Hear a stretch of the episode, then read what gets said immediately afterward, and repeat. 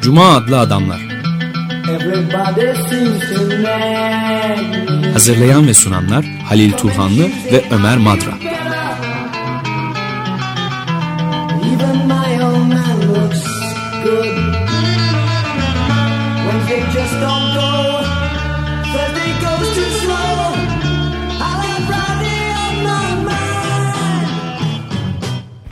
Merhaba Halil, hoş geldin. Teşekkürler. Konuğumuz var. Kendisine de hoş geldiniz diyelim. Profesör Ertuğrul Ahmet Donak. Merhaba. Merhaba Ahmet, hoş geldin. Eyvallah. Bugün Yanis Varoufakis'in e, bir kitabını konuşacağız. Türkçe'ye çevrilmiş. Küresel Minotaros. E, Yunanistan'dan e, çok da iyi haberler gelmiyor aslında.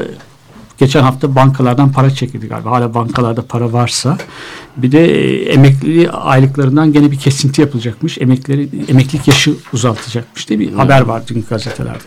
Yani Siriza'nın e, ve Maliye Bakanı e, Varoufakis'in işi bayağı zor. Destek de biraz gevşek aslında. ideolojik bir gevşek, destek yok galiba. Orta sınıflar e, kemer sıkma politikalarına bıkkınlık verdikleri için de destek verdiler. Şimdi biz sorularımıza geçelim. Cuma adamların ilk sorusu şu size. 2008 krizi sonucu bu. E, Varoufakis burada hakim olan paradigmalarla anlaşılamayacağını söylüyor bu krizin. Kapitalizmin yaşadığı o dönemsel krizlerden biraz farklı olduğunu söylüyor. Bunu şöyle anlayabilir miyiz acaba? Kapitalist sistem artık kendisini eski meşrulaştırıcı söylemlerle kullanamıyor. O raddeye geldi. Ee, doğru. Ee, fakat e, Varoufakis'in e, yani kitabına bakanlar görecektir.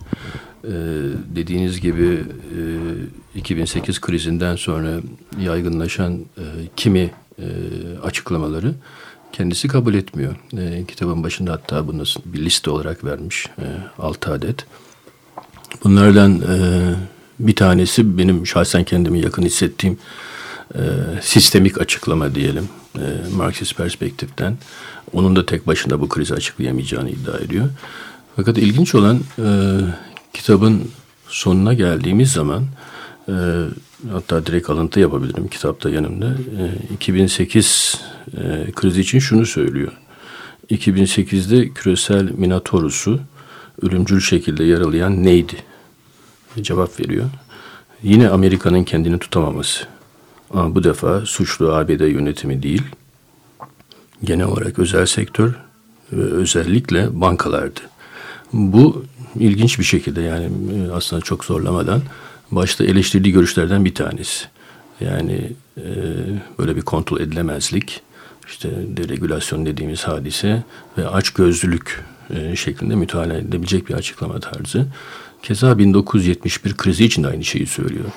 Sanırım e, bu e, programda ona da değinme imkanı olacak. Yine aynı sayfada 1971'deki krize yol açan neydi diye retorik bir soruyla e, cevap olarak da ABD hükümetinin başlangıçtan itibaren sahip olduğu aşırı avantajlardan yararlanırken kendine hakim olmayı becerememesi. Yine böyle bir kontroldan e, çıkmış bir hal. Ondan sonra açgözlülük vesaire. Bu halbuki dediğim gibi e, eleştirdiği açıklama tarzlarından bir tanesi. E, yani bunlara ayrıntılı bir şekilde girmek mümkün. Kendisi bu açıklama tarzlarını özetledikten sonra kitabın başında bunların aslında hepsinin kısmen bir doğruluk payı e, taşıdığını fakat bunun ötesinde bir şeyler olduğunu iddia ediyor ve bize e, uzun bir tarihi hikaye anlatıyor. E, özellikle İkinci Dünya Savaşı'ndan sonra ABD yönetiminin yaptıkları, ettikleri vesaire ve 71'de yaşanan böyle bir eşik atlama diyelim durumun bu metaforu da haklı çıkardığı iddiasında. Evet. Burada bir e, mitolojik bir hava var bu krizde diyor. Ve bu yüzden de e, Minotauros e, metaforuna başvurmuş. Nedir bu mitolojik hava yani anlaşılamaz bir şey mi? Daha doğrusu şöyle bir e, onca gözlemci, ekonomist, iktisatçı bu krizi görme, göremedikleri de söyleniyor. Ya da gördüler görmezlikten geldiler. Ama kapitalizmi eleştirenler de bu kadar derin olabileceğini tahmin etmedikleri de bir başka iddia. Mitolojik hava buradan mı kaynaklanıyor? Yani mitolojik havadan dolayı mı göremediler? Nedir o mitolojik hava? Eğer varsa böyle bir hava. Yani mitolojik e, hava ya da mitolojik e, metaforun kullanılmasını meşrulaştıran durum aslında e, 71'den sonra e, Amerikan ekonomisinin e, diğer ekonomilerin özellikle Japonya, e, Almanya ve daha sonra e, Çin'in katılmasıyla bu ülkelerdeki sermaye fazlalarını çekerek ancak kendisini yeniden üretme durumuna gelmesi. İşte bu da zaten o bildiğimiz e, metaforu bir bakıma haklı çıkartıyor. Yani bu işte Minos'un boğası. Ha, bir metaforu da bir açıklayalım e, din- dinleyiciler açısından. Minotaur hikaye efsanesi nedir? Evet. Ben mi açıklayayım? Lütfen sen açıkla. Yani ben de e, biraz e, kulaktan dolma bir şeyler biliyordum tabii fakat kitapta tekrar e, Varoufakis'in e, hatırlatmasıyla ve hangi bağlamda kullandığıyla e, tazelendi. E, şimdi e, bu e, Girit Adası e, eski Yunan e, döneminde e, oldukça e, hegemonik e, bir siyasi güç halinde E, ve e,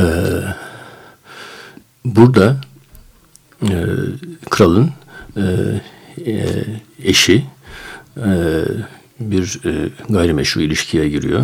Ondan sonra e, bu gayrimeşru e, ilişkinin sonunda e, işte Poseidon'un cezalandırılmasıyla vesaire e, bu e, Girit boğası diye bilinen ondan sonra işte yarı insan yarı boğa e, yaratık e, vuku buluyor. E, bunun da e, beslenmesi lazım. Bu beslenmede işte Atina'daki e, Ege yani Türkçesiyle e, e, kralın e, Girit'in e, bir bakıma sultası altında, egemenliği altında oraya her yıl yedi tane e, bakire e, kız ondan sonra yedi tane genci yollayaraktan boğanın e, hayatta kalmasını sağlaması sürecini başlatıyor. İnsan yiyor yani. Evet. e, yani bu bir bakıma e, Varoufakis'in e, perspektifinden Amerikan ekonomisinin kendisini ayakta tutabilmek için Çin'in, Almanya'nın ve Japonya'nın işte fazla üretim yapması, ondan sonra bu sermaye fazlasını bir şekilde Amerika'ya akıtması ve Amerikan ekonomisini ayakta tutmasına e, benzer bir durum. Fakat e, bu e, mitolojik hikayenin sonunda biliyorsunuz bu yarı boğa, yarı insan, yaratık ölür. E, e, daha doğrusu öldürülür. Öldürülür. Öldürülür. E, bu Atina'daki kralın e, oğlu tarafından. E, e, Atina'daki kral Ege e, oğlunu e, savaştan beklemektedir. Ee, işte siyah yelken çekilirse yenilmiş olacaktır. Oğlu da orada e, ölmüş olacaktır. Beyaz yelken gelirse galip olarak Atina'ya dönecektir. Fakat bu yelken değiştirme meselesi unutulur e, oğlu tarafından ve e, kral kendisini bir uçurumdan daha sonra Ege adını alacak olan e, denize atar. Ve dolayısıyla bildiğimiz Ege Denizi de bu şekilde adlandırılmış olur. Yani hikaye bu. E, dolayısıyla e, eğer e, Amerika Birleşik Devletleri bu yarı boğaya benziyorsa, yarı boğa da ölümlüyse, bu hikayede olduğu gibi acaba 2008 kriziyle e, boğa, Amerika Birleşik Devletleri tırnak içinde ölmüş müdür? Yani eskiden kendisini ayakta tutacak e, şekilde yapa geldiği e, şeyleri, ondan sonra kurmuş olduğu ilişkiyi diğer büyük ekonomilerle acaba sürdürebilecek midir? E, zaten metaforun kendisi sürdüremeyeceği iddiasında Varoufakis bunu açıkça söylüyor. Bir de lab labirentin bekçisi falan gibi de bir şey hatırlıyorum şeyde. Minotaurus. Evet, o, bir labir, o bir labirentte işte orada mühendis inşa ediyor falan filan. Ondan sonra. evet. Bir de şey, Yunanistan'a bu borçlandırırken bunu, daha baştan bunu ödeye, ödeyemeyeceği hesap edildiği söyleniyor. Yani Yunanistan taşıyabileceğinden fazla borç sırtına bindirildiğini. Burada kumarhane kapitalizmi terimini kullanmış Varoufakis. kumarhane kapitalizmin paranın dönmeyebileceğini kabul ediyorlar. Yani O çerçevede mi görmeliyiz? Gerçekten biliyorlar mıydı bu paranın dönülmeyeceğini kendilerine? Yani bir ölçüde bildiklerini ben de düşünüyorum. E, hatta daha da ileri gidelim. Yani şu anda sürmekte olan e, müzakereler Brüksel'de biliyorsunuz e, yarına ertelendi. Yani bugün de devam edecek. E, aslında salıya kadar bir şekilde e, neticelenmezse e, Yunanistan parlamentosunda geçmesi vesaire 30 Haziran'da ödenmesi gereken bir meblağ var. E, bir buçuk milyar avro e, IMF'ye. Bütün bunlar e, sekteye uğrayacak. Yani bu işin şu andaki yani güncel e, geri planı fakat kasino ekonomisi ifadesine geri dönecek olursak bu büyük ölçüde aslında e, e, haklılık taşıyan bir benzetme. E, bunun yani e, birkaç nedeni var. Bunlardan bir tanesi e, işte paradan para kazanma, evet. ondan sonra finansallaşma, e, bu sektörün öne çıkması vesaire. Fakat bunun diğer yüzü reel ekonomi. Yani finansal olmayan sektörlerde ne oldu ve bu sektörler nasıl öne çıktı? Bu tabii bizi yani 1971 krizinin nedenlerine ondan sonra ondan sonra ortaya çıkan e, yeni düzenlemelere işte biliyorsunuz medyatek ve popüler adı neoliberalizm denilen e, hadiseye bir şekilde e, getirir. Yani onu tartışmak gerekir. Fakat şunu e, ekleyeyim. E, 71'den önce e, oldukça uzun süreli e, bir e, sermaye birikimi eğilimi vardı. Bu reel sektörlerde e, karlılığı düşürüyordu. Dolayısıyla reel sektörler zaten cazibesini kapır, yitirmişti. Bu tabi birçok iktisatçı tarafından ondan sonra özellikle basında medyada genellikle petrol krizi olarak adlandırılan işte o 70'li yılların başında yaşadığımız hadisenin geri planı yani yapısal olan yani. Tabii petrol krizi e, bu 70'lerde yaşanan krizi bir bakıma tetiklemiştir. Yani e, tıpkı 2007-2008 krizini işte bu subprime mortgage dediğimiz e, hadisenin tetiklemesi gibi. Fakat geri planda e, bu karlılık azalması reel sektörün cazibesini yitirmesi meselesi vardır. Dolayısıyla reel sektörün cazibesini yitirmesi e, ve özellikle 80'li yıllar sonrasında yapılan e, politik tercihlerle finans sektörünü çıkartmıştır. Ondan sonra bu kasino ekonomisi e, ifadesini e, bir şekilde e, kullanmamıza yol açmıştır. Peki şimdi bu krizden çıkış yani Varoufakis'i maalesef ben okumadım kitabı şöyle bir gözden geçirebildim ancak ama bu krizden çıkma yani çıktık diyenler de var ama hiç, e, herhalde hiç kimse de inanmıyor böyle bir krizden e, kesin olarak çıkılmış ve durumun düzelmiş olacağına dair. Gidişat nasıl görünüyor sana? Yani isterseniz Varoufakis'i evet. e, kısaca e, ne düşündüğünü söyleyeyim. E, kendi görüşlerime geçmeden.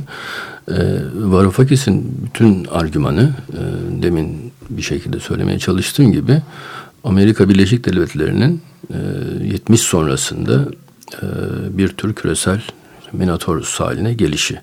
Yani Japonya, e, e, Çin ve Almanya tarafından bir bakım ayakta tutulması hali fakat 2008 kriziyle bunun sekteye vurması meselesi. Dolayısıyla böyle bir argüman var ise yani 2008'de karşılaştığımız durumu ki büyük ölçüde hala süren durumu bu ilişki yaratmışsa bundan nasıl çıkılır sorusunu tabii haklı olarak e, hem okuyucu bekliyor hem kendisi de zaten buna bir cevap vermeye çalışıyor. E, cevap bu e, argümanın içinden çıkıyor. Çünkü eğer e, Varoufakis'in yaptığı gibi 47'den bu yana yaşananları Amerika Birleşik Devletleri e, siyasilerinin, ondan sonra liderlerinin bir takım planları, ondan sonra 71'e kadar uyguladıkları bazı iktisat politikaları 80'den sonra uyguladıkları başka iktisat politikaları e, ile e, olduğunu düşünüyorsak yani onlara böyle bir iradi güç e, hegemonyalarını yeniden üretebilme imkanı e, atfediyorsak o zaman şu andaki durumdan da bir ölçüde yine o büyük gücün e, Amerika Birleşik Devletleri'nin kendisini değiştirmesiyle çıkabileceğini ummamız lazım ve Varoufakis tam da bunu söylüyor. Çok ilginç bir şekilde. E, yani ancak Amerika Birleşik Devletleri siyaseti, önderleri bunun artık böyle sürmeyeceğini, ondan sonra başka bir daha adil e, tırnak içinde e, onu çok fazla açmıyor. E, ilişkilerle bu krizden çıkılabileceğini e, belirtiyor. Buna ek olarak da e, mesela e, Çin'in ondan sonra Hindistan'ın, Brezilya'nın hatta Türkiye'nin de adı geçiyor. E, bu çözüm e, meselelerini tartıştığı sayfalarda kendi aralarında da daha adil yani tek yönlü olmayan bir takım ilişkilerle ama ABD olmaksızın gerçekleşemeyecek bir şekilde ticaret ilişkileri, işte sermaye akımlarının düzenlenmesi vesaire. Burada bir e, eşitlikçi, karşılıklılık e, temelinde düzenlemeyle ancak bu krizden çıkılacağını söylüyor. Yani e, şöyle bir şey e, bekleyerek eğer bu kitabı e, okuyucu eline alırsa yani sistemik bir eleştiri, kapitalizmi aşan, kapitalizmin dışında sosyalizm ya da post kapitalizm diyebileceğimiz yeni bir düzenleme e, formülasyonu Varoufakis öneriyor diye bir beklentimiz varsa öyle bir şey yok. Ee, yine yani bu e, sistem içinde fakat olabildiğince e, bu tip sıkıntıları aşan ama Amerika Birleşik Devletleri'nde merkezi rol oynadı e, bir düzenlemeyle bu krizden çıkılabilir e, görüşünde. E, bu aslında bence e, Yunanistan'ı temsilen diyelim şu anda biliyorsunuz bakan e, yürütmüş olduğu e, müzakerelerin de geri planındaki anlayış. E, yani tabii o anlayışta aslında bir bakıma e, bile e, anlayışta demeyeyim o anlayış bile e, karşıdaki güçler tarafından e, kabul edilmiyor. Kabul yani, görmüyor, evet. Kabul görmüyor. E, yani Varoufakis'in şeyi, görüşü bu. Evet. E, bir cümleli e, kendi görüşümü söyleyeyim. E, şimdi kapitalizmi aşma, yeni bir sistem kurma filan meselelerine girmeksizin sadece e, bence e, 1929 daha sonra devam eden o uzun krizde e, Roosevelt'in e, yönetimin uyguladığı tipte bir takım politikaların ki bunun bence önemli ayağı biliyorsunuz e, devletin bizatihi kendisinin bir istihdam e, kampanyası başlatmasıydı. E, böyle bir ayak olmaksızın e, bence bir geçiş ondan sonra bu krizin esas e, e, acısını çekenler yani işte ücretle çalışanlar, işsizler, yoksullar vesaire e, rahatlatılamaz. E, yani böyle bir geçiş dönemi e, bence e, yaşanması gerekir. Bunun mutlaka devletin başını çekeceği bir e, istihdam e, kampanyasıyla olması gerekir. Siriza'nın programında bu vardı. E, Selanik programında. Fakat bu müzakereler e, içinde maalesef bu program e, yürültüye geldi, ertelendi ve zaten şu anda da uygulanma ihtimali yok. Peki Ahmet yani bir yeni Roosevelt mi çıkmasını bekleyeceğiz Varoufakis'in e, açısından bakacak olursak. E, ilginç bir şekilde e, Roosevelt dönemini Varoufakis eleştiriyor. e, yani e, devletin başını çekeceği e, böyle bir istihdam e, e, atılımını e, tasvip etmiyor. E, dolayısıyla e, yani o Varoufakis'in görüşü değil benim görüşüm. E, ben de böyle bir tabi lider Evet. çıksın ondan sonra e, bir Roosevelt'e ihtiyacımız var e, demek istemiyorum. Bir iktisat politikası uygulaması olarak şu anda bir takım şeyler hala piyasaya mı bırakacağız? Ondan sonra sermayenin e, vereceği kararlarla bir şekilde e, bir miktar belki regüle edilerekten e, düze çıkılacağını bekleyeceğiz yoksa e, devletin, kamunun daha aktif e, biri olaraktan işsizliği, ondan sonra düşük ücreti, yoksulluğu vesaire e, düzeltmesi yönünde mi bir tercihte bulunacağız? Ben tabii ikincisinden yanayım. Ben çok sınırlı iktisat bilgime dayanarak bir soru sorayım. Bu 1929 krizinden çıkış politikaları biraz da Keynesçi politikalar sayesinde olmadı mı? Yani tam istihdam e, politikalarına dönüş. Siz onu mu e, öneriyorsunuz çıkış evet, olarak? evet. Ee, doğru. Ee, yani öyle denilebilir. Ee, fakat Keynesçi deyince tabii şöyle bir izlenim e, doğuyor. Ee, işte Keynes biliyorsunuz e, kitabını 1936'da yazdı. Ee, ama kriz 29'da başladı. Roosevelt vesaire. Hatta e, Roosevelt ile Keynes e, buluştular. E, Keynes geldi Washington'a oturdular konuştular filan. Keynes'in şahsından Roosevelt etkilenmemiş vaziyette. Hatta tam tersi o ilişkinin çok kötü geçtiği e, görüşmenin rivayet edilir. E, Ama politika itibariyle Am- Evet yani ona geleceğim ama haklısınız. Ee, yani devletin ekonomide e, aktif rol alması, her şeyi piyasaya bırakmaması genellikle Keynesçi politikalar olarak adlandırılır. Bu anlamda e, tabii Roosevelt dönemi hatta ondan sonraki Johnson dönemi bir bakıma Evet. e, yani Keynesçi politikaların yani o 50'li 60'lı yıllarda bile hala e, büyük ölçüde Amerikan yönetimi tarafından benimsendiğini uygulandığını e, gösterir.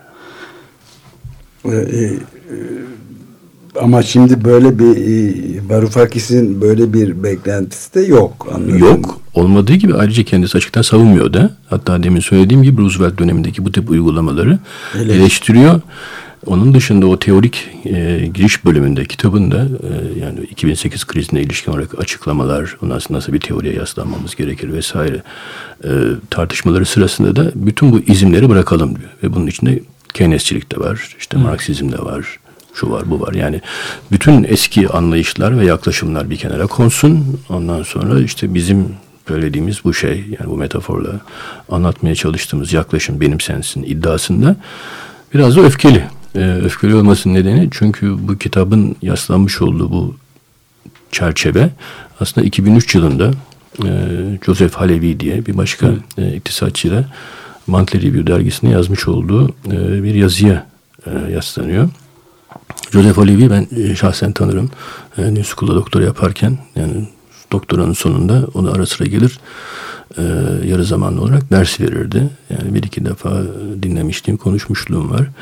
Aslında kaletkici diyebileceğimiz e, bir iktisatçıdır. Yani bir bakıma e, e, sol Keynes'i diyebileceğimiz bir iktisatçıdır ve sanıyorum yani bu metaforu bir kenara koyacak olursak metafor Varoufakis'in katkısı kitabı o kesin. E, bu e, teorik argümanın e, önemli yanları e, Halebi'den kaynaklanıyor. Kızgınlığı Varoufakis'in ise şundan dolayı biz 2003'te bu yazıyı yazdık. Ondan sonra 2008 krizi geldi. Kimse bu yazıya atıfta bulunmuyor. Bizim orada söylediğimiz dikkate almıyor vesaire. E, bu, şu, yani bunun bir nedeni şu olabilir. Çünkü o yazıda 2003'teki yazıda e, gelmeden tekrar ciddi bir şekilde okudum. E, aslında bir kriz ihtimalinden özellikle burada dillendirildiği gibi bir kriz ihtimalinden açıkça e, bir, e, bir tartışma geçmiyor. E, ama e, makalenin adı da aynen kitabın adı gibi. Yani küresel e, Minotaurus. Evet. Bir ara verelim istersen. Bir soru sorayım. Tabii tabii. Demin siz e, Varoufakis bütün izimlerden uzaklaşalım dedin. Gerçekten kitabı okuyanlarda edindiği izlenim de o. Fakat e, o istihdam politikalarını, tam istihdam politikalarını da reddederken biraz kapitalizmin, özellikle neoliberal kapitalizmin son yıllarda çok telaffuz ettiği bir şey var. Doğal işsizlik oranı, adaletsizlikleri meşrulaştırıcı bir söylem. Biraz da ona teslim et, olmuş olmuyor mu dolaylı olarak da yani? E, onu da eleştiriyor. E, e, bu Ama eleştirmek eleştirmesine rağmen teslim olmuyor mu? Onu kabul reddederken. Ee, Onu ben Yani haklısınız. Yani zaten benim de baştan söylemek istediğim şey e, bir bakıma buydu. Yani kitap teorik olarak tutarlı olmadığı gibi aslında biraz dağınık bir kitap. Evet. E, yani e, biraz belki e, ölçüyü kaçıracağım ama Varoufakis'in e, kendi imajıyla da tut, e, e, tutarlı biliyorsunuz. Çok flamboyan bir e, kişiliği var. Ondan sonra e, biraz iddialı e, hem kendini ifade ediş tarzında hem kılığında, kıyafetinde, davranışında vesaire. Kitapta da böyle bir hava var. Bir yerde bir şey söylüyor. Ondan sonra 50 sayfa sonra bunu unutuyor. Aksini söylüyor. İlk başta size göstermeye çalıştığım gibi bu. Yani kontrol edilemez kapitalizmin bir takım liderlerin yanlışlarının ya da açgözlülüğün sonucu gibi her iki krizi açıklıyor. Halbuki başta eleştirdiği görüşlerden bir tanesi bu. Dolayısıyla sizin yani e, belirttiğiniz nokta çok haklısınız. E, çünkü bu doğal işsizlik oranının ilk, ilk önce yüzde iki iken sonra yüzde üçe sonra yüzde dörde sonra yüzde beşe e, çıkartılmasını bir teorik zafiyet olarak e, eleştiriyor. E, dolayısıyla buradan çıkartılacak sonuç bir yani e, okuyucu için demek ki yani işsizliğin iyice e, düşük olabileceği bir bakıma tam istihdamın e, gerçekleştirebileceği bir iktisat politikasını öneriyor, öneriyormuş e, olur. Ama bunu açıktan söylemiyor. Evet. Evet. Evet, e, ilginç. E, peki buna devam edeceğiz. E, elimizde küresel Minotaurus, Minotaurus, Toros adlı bir kitap var. Yanis Varoufakis'in iktisatçı ama aynı zamanda şu anda da Yunanistan'ın iktisat bakanı gibi bir şey. Maliye Bakanı. Maliye Bakanı. E, Amerika, Avrupa ve küresel ekonominin geleceği alt başlığıyla Ankor yayın evinden e, yayınlandı. Ferhat Cohen çevirisiyle. Bunun üzerinde de Ahmet Tonak'la, Profesör Ahmet Tonak'la konuşmaya devam edeceğiz ama arada bir e, parça çalalım şimdi. E, Sun Kill Moon e, ve Richard Ramirez Died Today of Natural Causes diye bir e, ilginç ismi taşıyan doğal sebeplerden öldü Richard Richard Ramirez bugün diye. Seri, bir serial katil zaten aslında. Efendim si- seri katil. Evet. evet. Onun şarkısını dinleyeceğiz sonra konuşmaya devam edeceğiz.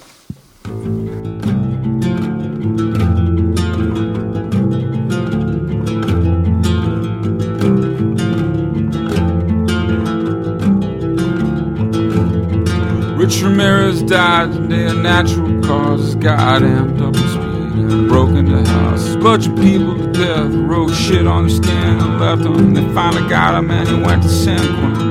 His last murderer was south of San Francisco, a guy named Peter Pan from the town of San Mateo. A little girl in the tenderloin was his first. In a laundry room, he took a dollar from her fist. His last days were at the Bristol Hotel. I was reading Night Stalker when I went and rang the bell.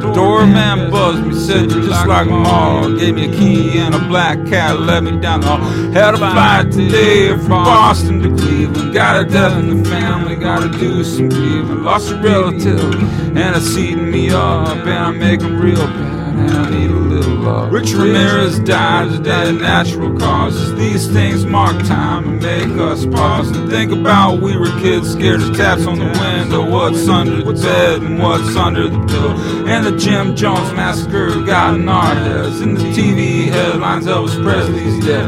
And the Ayatollah Khomeini hostages. Ronald Reagan dodging bullets. While I'm there, I'm gonna stroll through the old neighborhood. Rick stands my age and still lives with his mom when he's not in jail for menacing, stalking, and writing bad checks, cocaine charges. Mark Denton had such a beautiful smile. He always sat on his porch, passing the time and drinking a beer and smoking a pack until one day poor Mark had a heart attack. My friend Ben's got a good job as an electrician. Sister married the pool shark Jim Evans, and my next door neighbors whom I love so, and they love me too, but they passed long ago. And if you walk just a few blocks down Stall, there's a house that was the scariest of them all. A cute little pond with a sign for sale, but those sextons kids' life was hell. And I'm telling the truth, and if you don't believe, pick up Lyle Caulfield's House of Secrets. Had a fly from Cleveland to SFO. I got three months off until my next show. Was gonna spend time with my girl, and make a record this summer. Fix my kitchen up and hire a plumber. The headline changed so rapidly. Today I came to the studio to work on something pretty. Then I saw the news on James Gandolfini while I was eating ramen and drinking green tea. The Sopranos guy died at 51. That's the same age as the guy who's coming to play drums. Don't like this.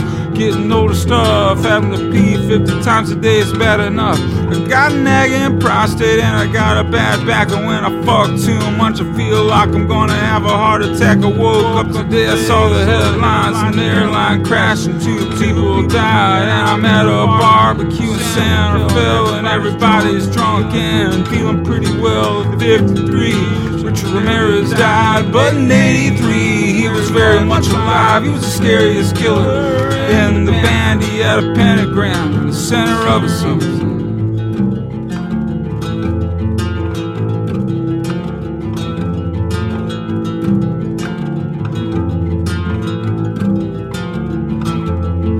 Everybody remember the paranoia when he stalked the suburbs of Southern California. And everybody remember where they were when they finally the Night Stalker. And I'll remember just where I was when Rich Ramirez died of natural causes.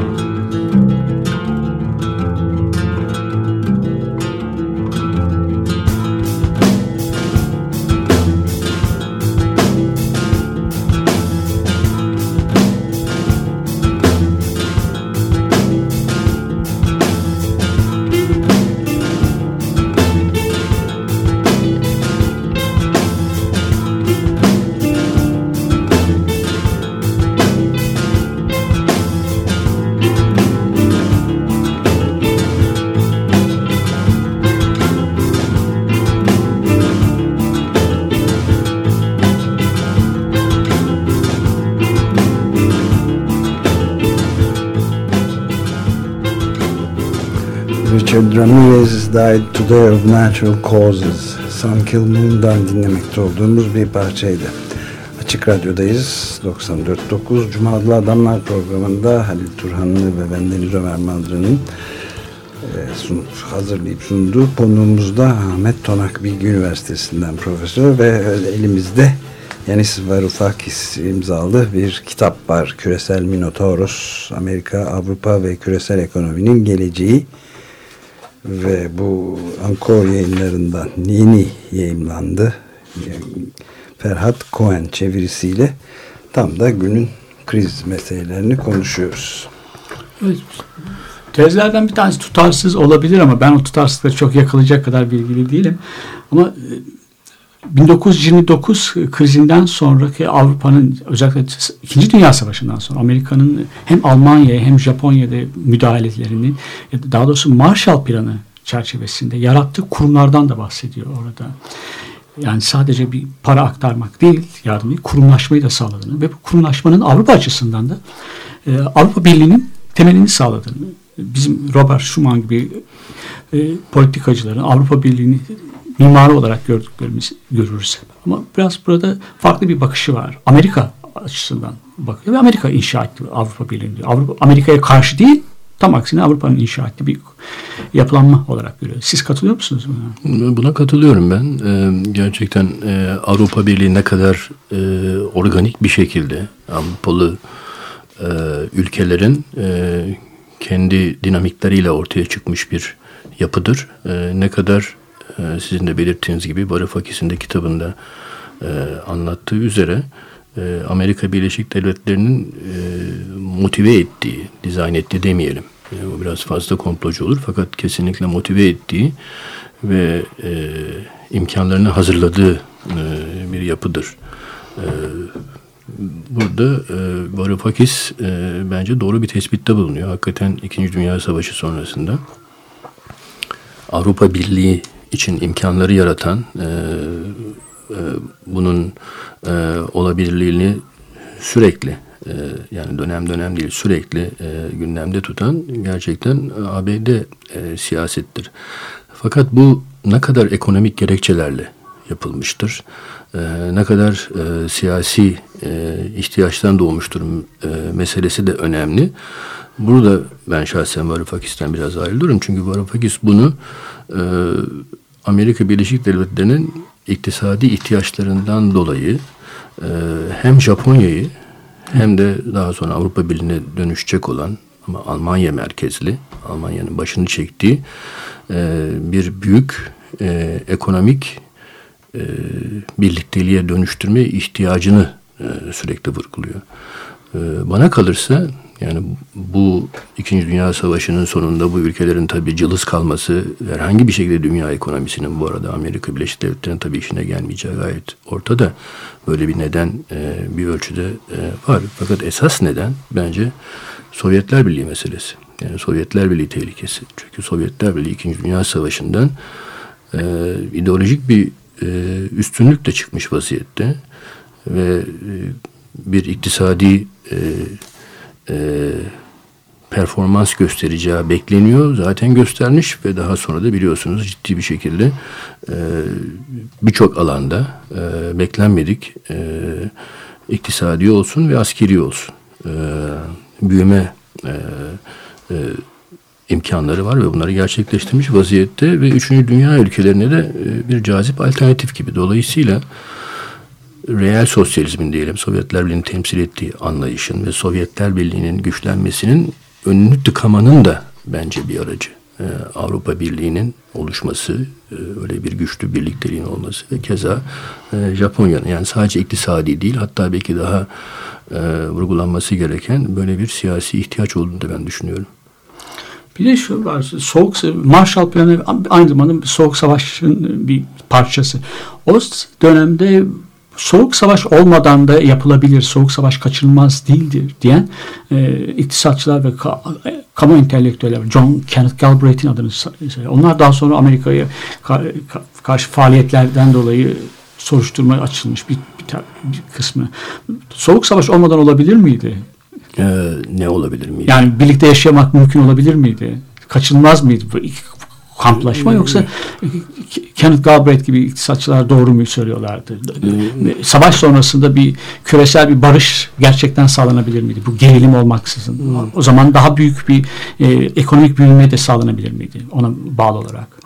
Ee, Valla ben tam Galbraith gibi düşünmüyorum açıkçası. Yani biraz Amerika Birleşik Devletleri açısından bakalım ve Amerika Birleşik Devletleri'nin ekonomik tıkanıklıkları Evet. e, özellikle e, nasıl e, aştığını hatırlayalım. E, bunun içinde hem Soğuk Savaş'ın e, bir icabı olaraktan muazzam bir silahlanma, işte askeri endüstriyel kompleks dediğimiz e, hadisenin ki Varoufakis de bunu çok vurguluyor biliyorsunuz.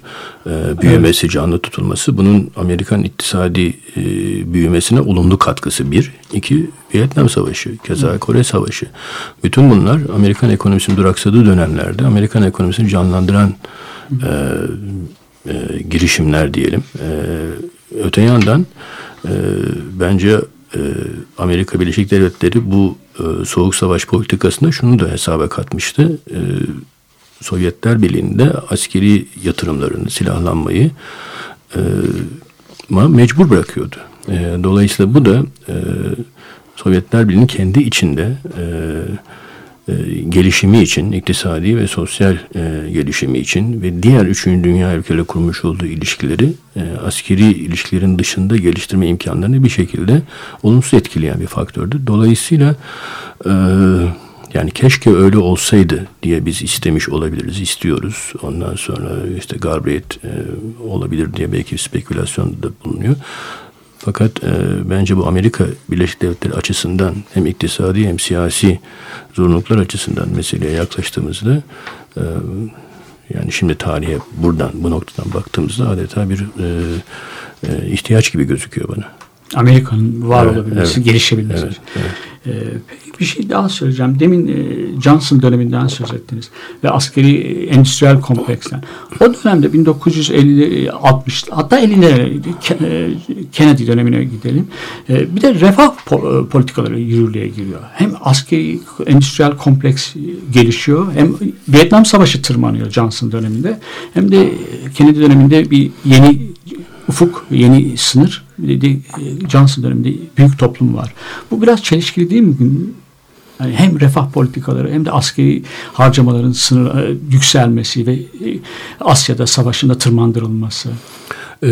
Şimdi bunun e, temposuna e, bakacak olursak yani e, devletin bu harcamalarının e, kompozisyonuna ve ne zaman hangisinin öne çıktığına e, bakacak olursanız biliyorsunuz e, kitapta çok fazla değinilmeyen maalesef Vietnam Savaşı'nın çok önemli olduğunu ondan sonra e, askeri ve sanayi e, kompleksinin gelişiminin Amerikan ekonomisinin çok önemli olduğu vurgulanmakla birlikte Amerika içinde yaratmış olduğu çelişkili durum, e, Amerika içinde bu savaşa karşı çıkış e, çok fazla e, ele alınmıyor. E, aslında bu e, sosyal devlet diyebileceğimiz devletin askeri harcamaların dışındaki harcamaların artması meselesiyle e, Vietnam Savaşı'nın artık sürdürülemez hale gelmesi bence ilişkili. E, nitekim daha çok bu John, Johnson döneminde olmuştur. Kennedy döneminden daha çok. Niye? Çünkü Kennedy döneminde Vietnam Savaşı devam etmektedir.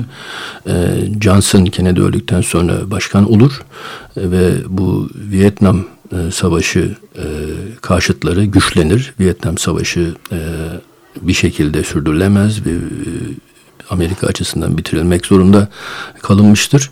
E, dolayısıyla askeri harcamaların yapmış ol, yapmış olduğu olumlu etki e, Amerikan ekonomisinin büyümesine bu eleştirel havayı savaşın bitmesiyle ortaya çıkacak olan e, imkanı bence sosyal harcamalara e, yöneltmiştir. Dolayısıyla yani buradaki zamanlama önemlidir. Yani devlet evet 100 lira harcıyordur ama bu 100 liranın ilk ağızda 80'ini e, askeri harcamalara, 20'sini sosyal harcamalara harcarken bu ilişki değişmiştir. E, Vietnam Savaşı'nın dönüşüyle askeri harcamalara yapılan harcamanın bir kısmı Johnson döneminden başlayarak sosyal harcamalara kaydırılmıştır.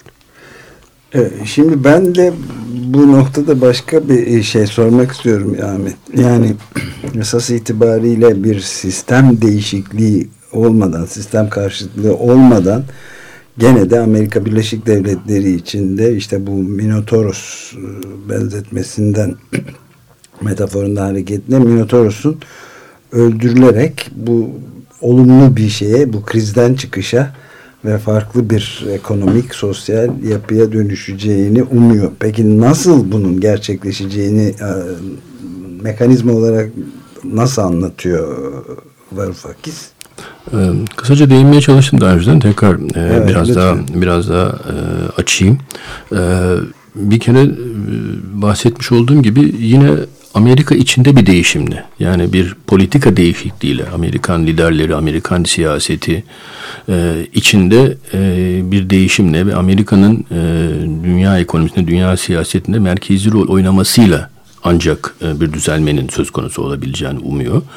Bu düzelmenin e, mekanizması şu, e, şimdiye kadar e, işte e, Çin'den, Japonya'dan, ondan sonra Almanya'dan e, gelen sermaye akımlarıyla, sermaye fazlasının Amerikan ekonomisini desteklemesiyle canlı tutulan Minotaurus e, artık öldüğü için, e, artık ölmek üzere olduğu için bu mekanizmanın tek yönlü değil, bu büyük e, ülkeleri de e, aşan bir şekilde olabildiğince dünyanın diğer e, dünya ülkelerine, güney ülkelerine de yaygınlaştırılacak ve orada da e, karşılıklı daha adil, e, tek yönlü değil, e, karşılıklı e, bazı bölgesel mesela ticari anlaşmalarla vesaireyle e, kurulmasını umuyor.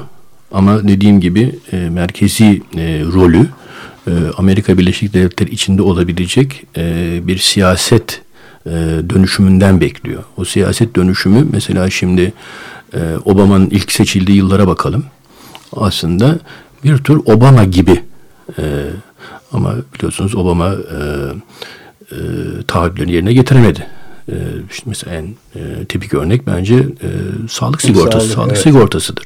Ki en büyük başarısı diye de geçiyor üstelik. Keza e, ama ondan sonra mesela şimdi e, yürüyen bir ticaret anlaşması var biliyorsunuz uluslararası planda eski bu çok taraflı yatırım anlaşmasının böyle bir daha e, e, şişkin hali diyelim. Ondan sonra mesela burada bence geri adım atıyor.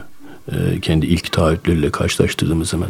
Dolayısıyla e, daha düzgün ve taahhütlerini yerine, yerine getirebilir bir Obama figürü sanki bekliyormuş gibi Evet. geldi bana e, Varoufakis'ten. E, fakat bir böyle bir figür çıkabilir mi? İki bu figür çıksa bile tıpkı Obama'nın başına gelenler o figürün başına gelmez mi? Yani bu tip sorulara e, cevap bence biraz kapitalizmin mantığını ondan sonra siyasi liderlerin e, neye e, hakim olabildiklerini, ne yapabildiklerini, ondan sonra neler tarafından sınırlandıkları e, tartışmasını gerektiriyor. Kitabın eksiği bu. Yani kitap bence e, sermayenin kendi bir mantığı var. E, ve bu mantığın e, biliyorsunuz en üst adı karlılık. E, karlı görmediği bir şeye yatırım yapmıyor. Dolayısıyla e, bunu aşan bir devlet otoritesi, bir siyasi akıl, bir siyasi irade e, ne kadar hakim olabilir, ne kadar istediğini yapabilir meselesi bence ucu açık bir soru. Yani ben o konuda çok e, e, e, e, ne diyelim iyimser olamıyorum Varoufakis kadar. Evet, peki bunu ben bir de hiç da- dayanılmaz her zaman konuştuğum bir meseleye de getirmek istiyorum. Şimdi Marshall yardımından filan bahsettik. Dünyanın içinde bulunduğu hem ekonomik hem de ekolojik krizin had safhada olduğu bir e, noktadayız. Yani bu sene özellikle de işte çok sayıda üniversiteden ve gelen raporlarda artık yok oluşa doğru bir gidişin kesin izleri artık kanıtlanmış durumda gibi e, iklim değişikliği yüzünden. Bunun da aslında bir tarz e, bu e, başta enerji şirketleri ama diğer başka devler de olmak üzere bunların dizginlenebilmesi için büyük bir değişiklik gerekli. İşte Marshall yardımı gibi bir düzenlemeye ihtiyaç olduğu işte bu sene Paris'te toplanacak e, Kasım ve Aralık aylarındaki Birleşmiş Milletler'de yeni bir e, kısıtlayıcı antlaşmaya e, gidileceği gibi bir şey var. Bunun izlerini görmek hem kitaptan mümkün mü? Böyle bir düşünce tarzı var mı? Yani Yunanistan'da önemli bir ülkenin önemli bir bakanının yazdığı bir kitaptan bahsediyoruz aslında. Yenilik getirme iddiasında olan bir Evet. bakan. Kitapta böyle bir şey yok e, maalesef E, ama ben e, yani söylediklerine katılıyorum. Ekolojik kriz olsun aslında bu e, uluslararası ekonominin dengesizlikleri e, olsun ki bu dengesizliklerin bazı veçelerini ve arkadaki e, siyasi e, gelişmeleri bence kitap iyi özetliyor. Kitabın yani olumlu Evet. yanından da bahsedelim. Evet, bence de. E, kitap yani bize bir son 60-70 yıllık bir hikaye anlatıyor. Dolayısıyla bu hikayeyi e, bilmeyenler, öğrenmek isteyenler için kitap yararlı. Anlaşılabilir bir dilleri de çok. Evet. e, fakat e, mesela bu e, ekoloji e, krizi ondan sonra ve kapitalizmin yapısal özelliklerini dışarıda bırakması bakımından da zaafları olan bir kitap. Fakat ekolojik krizin üstesinden gelme de e, bence bu iktisadi e, dengesizlikler ve vardığımız noktanın aşılması da aslında bir uluslararası koordinasyon gerektiriyor. Aslında bu uluslararası koordinasyon imkanı dahilinde olup olmadığı da e, hem tartışılması gereken bir şey ki kitapta yok. İkincisi de ister istemez bizi bir takım yapısal sorular sormaya yöneltecek bir alan. E, şimdi Amerika'nın Amerikan menşeili bir takım e, sermaye grupları var. Bu gruplar arasında bir takım çelişkiler var. Sonra bu gruplar e, dünya piyasasında işte Çin e, sermayesiyle e, Alman sermayesiyle yarışıyorlar. Bir rekabet var. Şimdi bu rekabetin kendi mantığı var. Tek tek sermaye gruplarının e, karlılık ihtiyacı var. Bütün bunların üstesinde bir siyasi irade bu mantığa nasıl empoze edilebilir? Bu nasıl uluslararası bir koordinasyon gerektirir? Bence çok önemli sorular. Bu sorular sorulmadığı gibi bence cevapları da yok kitapta. Ve bence dolayısıyla bu kitapla başlayıp belki ondan sonra bu soruları e, tartışma imkanı tartışma, e, evet. e, yaratmak gerekiyor. Ben bir şey soracağım. Ömer Madra'nınkine ek olarak aslında. Ee, 1947 savaştan sonra Almanya'nın e, fabrikaları sökülme kararı alınıyor. Ama tam o sırada Pentagon devreye girdiğini, kitaptaki bildirdiğine göre Amerikan Birleşik Devletleri Genelkurmay Başkanlığı kömür madenleri ihya edilsin diye bir şey bir görüş bildiriyor. E, Bunun Amerika'nın güvenliği açısından gerekli ol- olduğu söylüyor. Almanya'daki kömür madenleriyle, kömür ocaklarıyla Amerika'nın güvenliği arasında nasıl bir ilişki olabilir diye insan da sormadan edemiyor. Şimdi, E, Bilemiyorum. Yani bu, bu konuda yani e, yani Varoufakis zaten Evet. çok açıktı. Bunu böyle Evet, bir, bunu bir, açık değil zaten, Bunu bir doğru. yani olgu olarak ona yaşanmış bir olay olarak e, e, çelişki olarak şey. Fakat yani şimdi ayaküstü bir takım spekülasyonlar yapabiliriz. Bunlardan bir tanesi e, enerji ihtiyacı Evet. e, meselesi. E, Amerika Birleşik Devletleri sadece kendi enerji ihtiyacını ve bunun güvenilirliğini ondan sonra uzun ömürlü oluşunu düşünmekte kalmıyor. Aynı zamanda partnerlerinin de yani bu başta tabii Almanya olmak üzere, Japonya olmak üzere e, bunları da bir ölçü düşünmek zorunda. Çünkü bu ekonomiler de büyüyecek ki e, bu ekonomilerde mal ve hizmet üretsinler. Bunları Amerika giderek Varoufakis'in tezine göre e, bir şekilde e, alsın, yararlanabilsin. Yani oradaki büyümeyi e, bir şekilde kendi ticari açıklarıyla ve oradan gelen sermaye fazlasıyla e, sürdürülebilir hale getirsin. Keza Amerikan e, çok uluslu şirketleri vesaire de bu ülkelerle bir e, işte e, karşılıklı ilişki içinde yatırım ilişkisi vesaire falan olabilsin. Dolayısıyla bu bir e, enerji güvenilirliği e, gerektiriyor. Petrol ne zaman, nerede, ne kadar, hangi fiyata, ondan sonra hangi ekonomiye e, eriştirilecek konusu e, gerçekten yani Amerikan siyasilerinin sürekli kafasını meşgul eden bir konu. Ve Varoufakis'in iddiasına göre ki yani bir ölçüde doğru olduğunu ben düşünüyorum. Mesela Irak Savaşı, e, ondan sonra Afganistan meselesi işte e, Orta Asya'daki e, diğer enerji kaynaklarına erişme imkanı, bu koridorun sürekli Amerika'nın kontrolünde e, tutulması meselesi falan aslında bir takım bu tip siyasi gelişmelerin ve belki de Almanya'daki kömür madeninin açık tutulmasının arkasındaki e, gerekçe olabilir. Bu noktada ufak bir ilave soru sorayım ben de. Yani bu Marshall yardımından önce e, İkinci Dünya Savaşı'na Amerika'yı e, girip Nazi büyük Nazi tehdidine, tehlikesine karşı birdenbire bu gene Roosevelt döneminde yapılmış büyük bir seferberlik e, var. Çok büyük bir kriz geliyor. Yani bir yandan işte atom bombası filan yapılması için uğraşılıyor ama bütün fabrikalarında aslında otomobil vesaire kamyon yapan fabrikaların şeye dönüştürülmesi var. Çok büyük bir hamle aslında silah yapımına. Şimdi e, bu içinde bulunduğumuz dev e, krizde ekolojik e, ekonomik krizde de birleşen ama daha da büyük boyut artık yok oluş boyutuna giden şeyde de bu tarz bir enerji değişimine falan ihtiyaç olduğu söyleniyor. Yani kitapta var mı yok mu bilmiyorum ama bu konuda senin de ne düşündüğünü merak ediyorum doğrusu. Ben ben buna bir ölçüde katılıyorum. Ee, biliyorsunuz bunun üst başlığı e, ekonomiyi yeşilleştirmek diyelim. Evet. Ondan sonra yeşil bir ekonomi e, acaba yaratabilir miyiz? E, e, New School'dan sınıf arkadaşlarından bir tanesi Robert Pollin, e, University of Massachusetts'lik bir e, ekonomi politik enstitüsünde e, yönetiyor.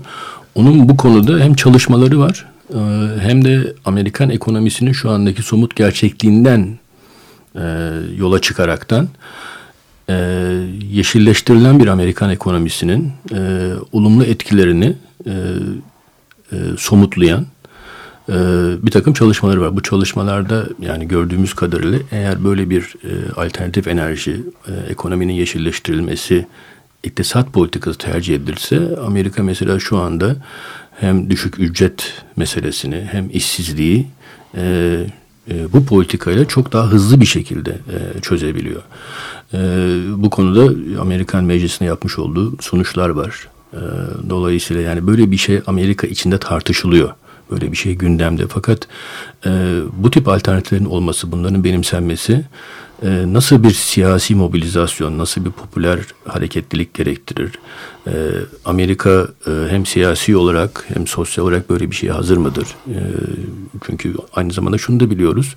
Uluslararası koordinasyonun çok e, küçük bir e, örneği olarak görülebilecek e, Kyoto Anlaşması'nda Amerika Birleşik Devletleri imzalamıyor. Onaylamadı. Yani Dolayısıyla şimdi yani böyle bir ülkenin siyasilerinden e, nispeten daha radikal sayılabilen e, bir yeşil ekonomiye geçiş kararı e, nasıl Bekleme. olur, hangi ortamda olur, hangi mobilizasyonu gerektirir falan yani bu siyasi soruların da bence e, sorulması gerekiyor.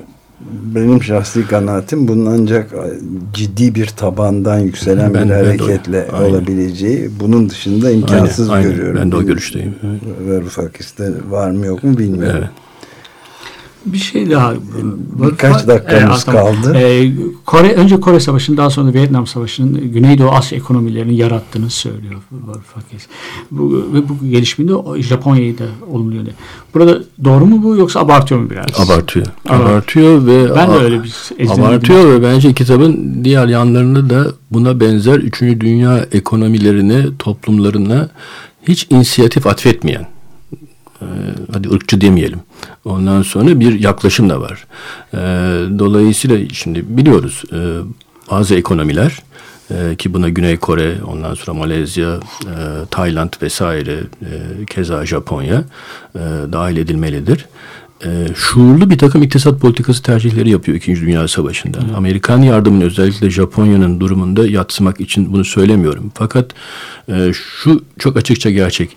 Eğer devlet bir takım destekleme politikalarıyla istihdam politikası olsun, bazı sektörü öne çıkarması olsun, hatta ithal ikameci politikalarla, hatta zaman zaman e, gümrüklerini kısmen yine kapayaraktan e, kendi iktisadi gelişmelerini ve mobilizasyonlarını e, hızlandırabilirler. Bu bence Güneydoğu Asya ülkeleri için geçerli bir şeydir. Kısmen bazı Latin Amerika ülkeleri için daha önceki dönemlerde olmuştur.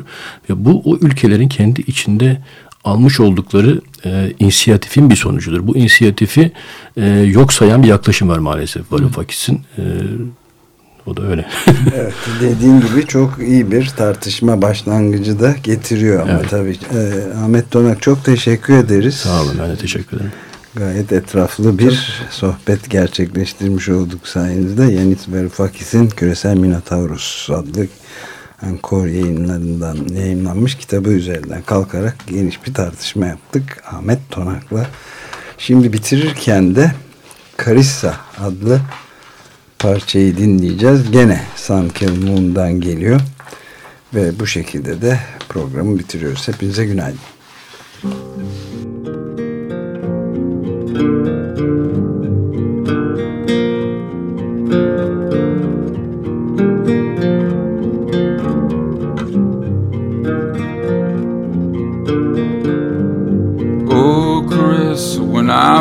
first saw you, you were a lovely child. And the last time I saw you, you were 15 and pregnant and running wild. I remember wondering, could there be a light at the end of your tunnel? But I left Ohio then and pretty much forgotten all about you. I guess you were there some years ago at a family funeral. But you were one of so many relatives, I didn't know which one was you. Yesterday morning, I woke up to so many 330 area code calls. I called my mom back, and she was in tears and asked how I spoke to my father.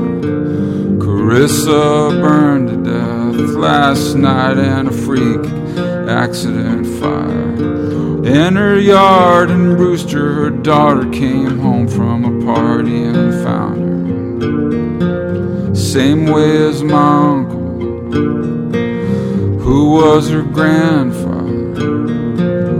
An aerosol can blew up in the trash. Goddamn, what were the odds? She was just getting ready to go to her midnight shift as an RN in Wadsworth. And she vanished up in flames like that. But there had to be more to her life's worth. Everyone's grieving out of their minds, making arrangements and taking drugs. But I'm flying out there tomorrow because I need to give and get some hugs. Monday morning feels so bad. Cuma adlı adamlar. Everybody seems to nag me. Hazırlayan ve sunanlar Halil Turhanlı ve Ömer Madra. Even my old man looks good.